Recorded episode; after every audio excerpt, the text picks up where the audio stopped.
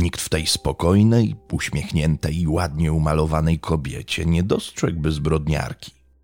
Resocjalizacja w jej przypadku odniosła sukces i Laura S., wychowana w dysfunkcjonalnej rodzinie, nienauczona empatii i szacunku dla życia, po wyjściu w 2020 roku, po ośmiu latach odsiadki na wolność, zrobiła wszystko, co tylko możliwe, żeby demony jej młodości, chmurne i durne, nie miały więcej nad nią władzy.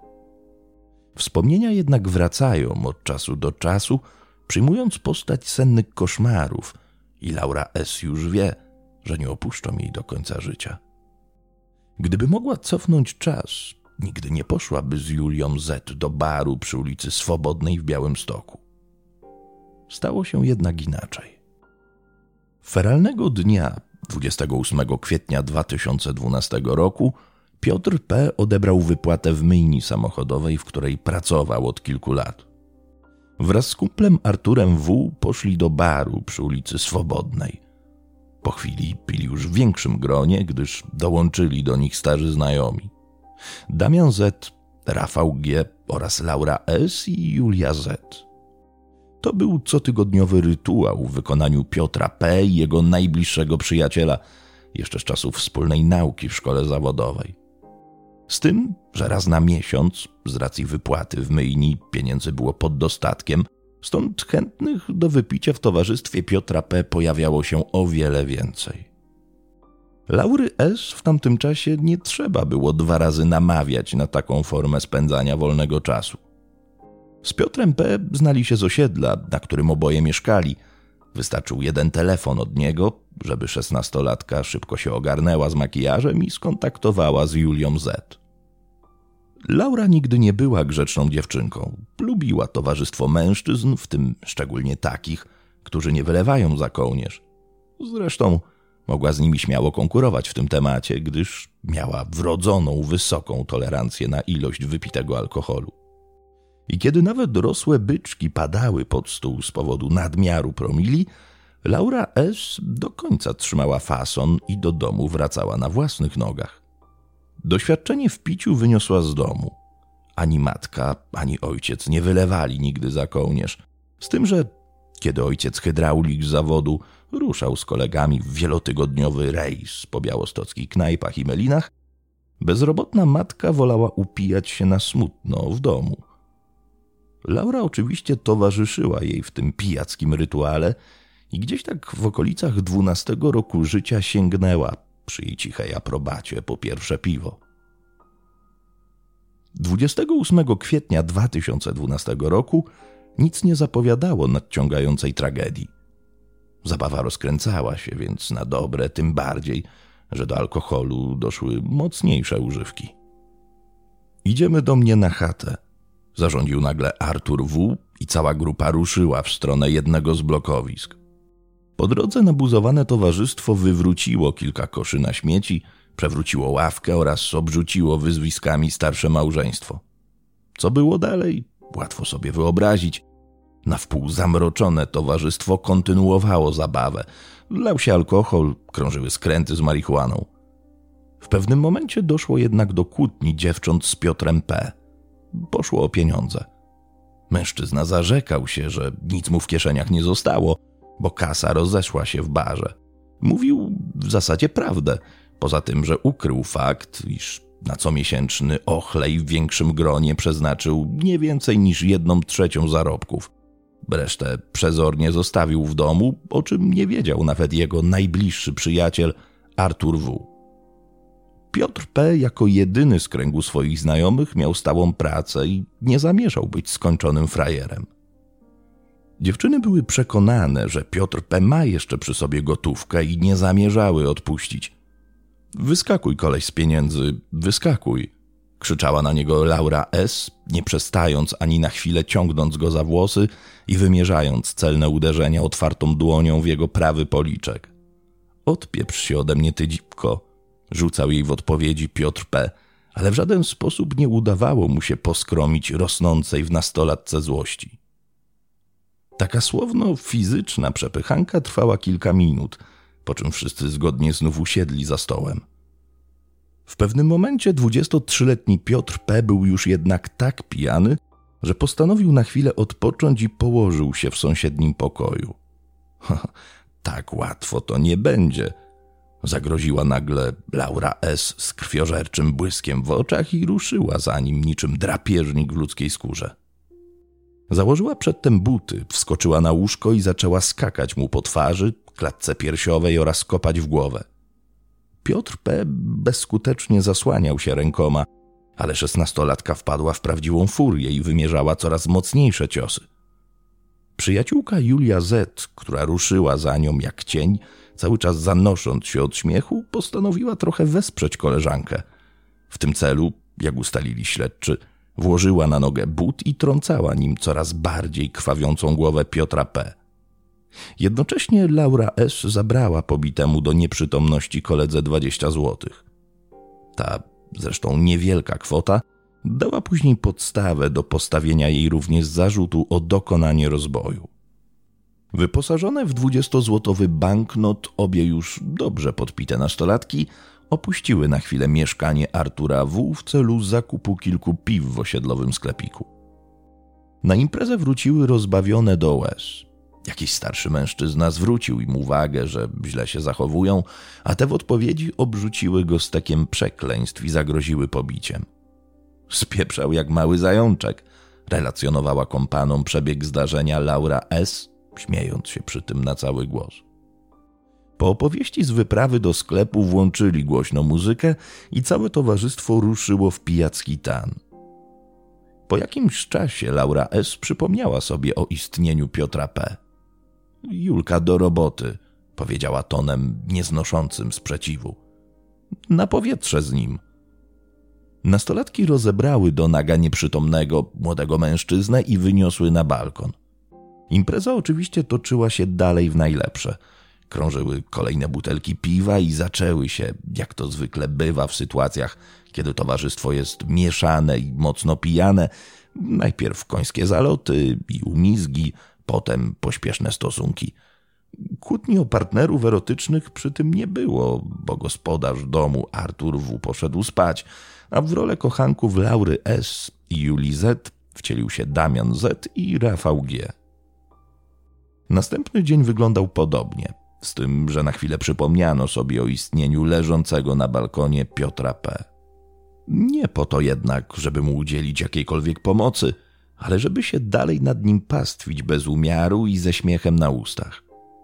W roli kata znowu aktywnie wystąpiła Laura S., wylewając na niego ciepłą zupę, smarując mu ucho pasztetem, a na dokładkę wlewając mu do nosa płyn do naczyń.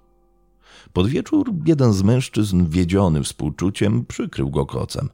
Minęła kolejna pijacka noc. Piotr P. prawie nie dawał już znaków życia. Był jak jedna wielka krwawa rana. Damian Z. po namowach Rafała G., kiedy ten w ciekawości zajrzał na balkon, postanowił wezwać karetkę pogotowia. Widok zmasakrowanego i konającego na balkonie kolegi przeraził go nie na żarty.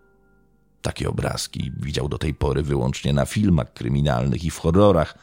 Momentalnie też wytrzeźwiał. Policja z ratownikami medycznymi pojawiła się na miejscu zaledwie po kilku minutach. Piotr P. w stanie agonalnym został przewieziony do najbliższego białostockiego szpitala. Lekarze robili wszystko, co tylko możliwe, aby uratować mu życie. Mimo trepanacji czaszki oraz intensywnych zabiegów reanimacyjnych, Zmarł 1 maja, nie odzyskawszy przytomności. Policja zatrzymała wszystkich uczestników libacji. Decyzją sądu cała piątka imprezowiczów trafiła na dwa miesiące do aresztu.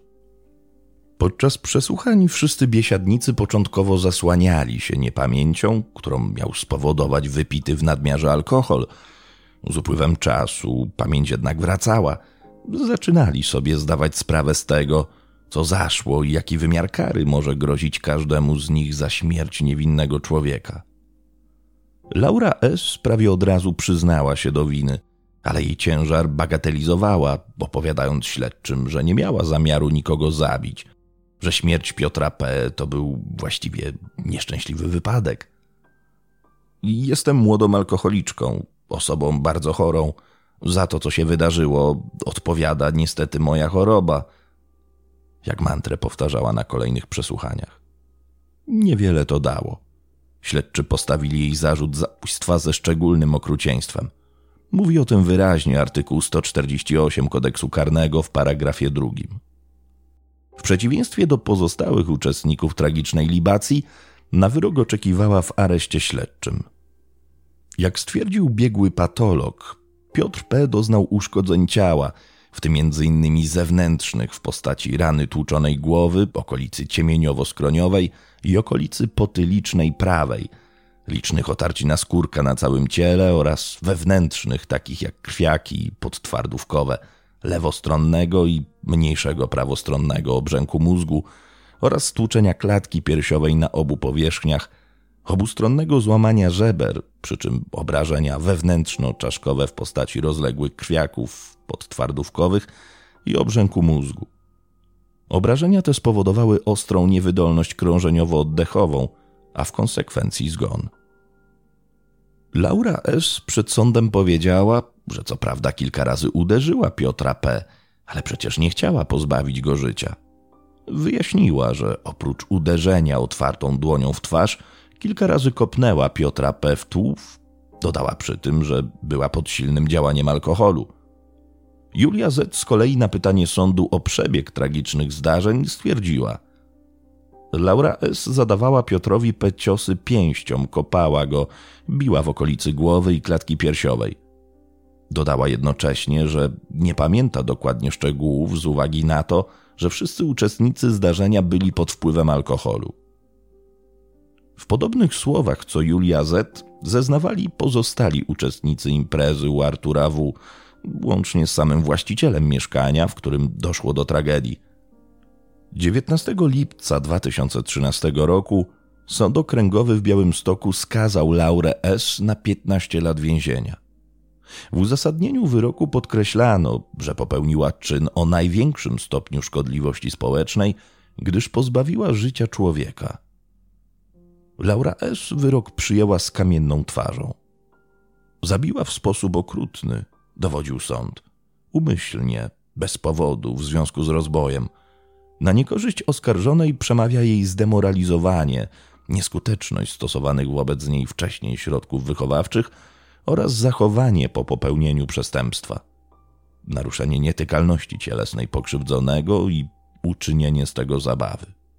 Okolicznościami łagodzącymi w przypadku Laury S. były dla sądu jej młody wiek i brak życiowego doświadczenia, choć z drugiej strony potraktowano ją jako osobę dorosłą.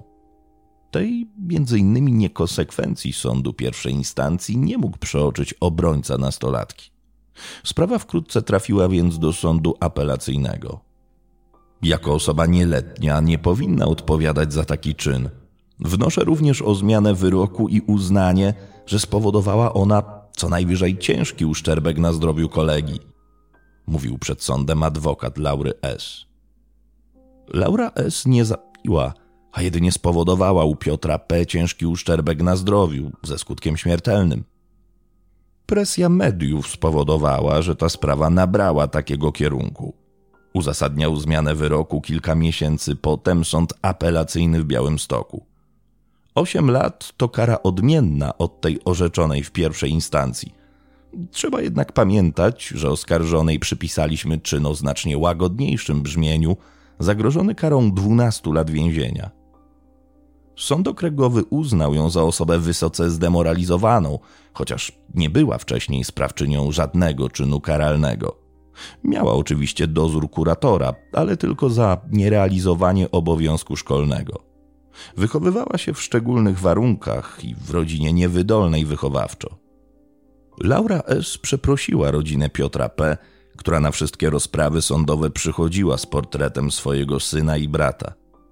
Ze zdjęcia spoglądał młody, przystojny i sympatyczny mężczyzna. Jaka to sprawiedliwość? Chłopak nie żyje, a dziewczyna, która zabiła, jest prawie niewinna. Pójdzie tylko na osiem lat do więzienia. Co to za sprawiedliwość jest? Powiedziała do dziennikarzy po usłyszeniu wyroku siostra Denata. Mężczyźni, uczestnicy tragicznej w skutkach imprezy, dostali niewielkie, kilkuletnie wyroki w zawieszeniu. Imiona bohaterów, nazwa ulicy oraz niektóre okoliczności w sprawie zostały zmienione. Dzisiejszy podcast powstał przy współpracy z magazynem Detektyw.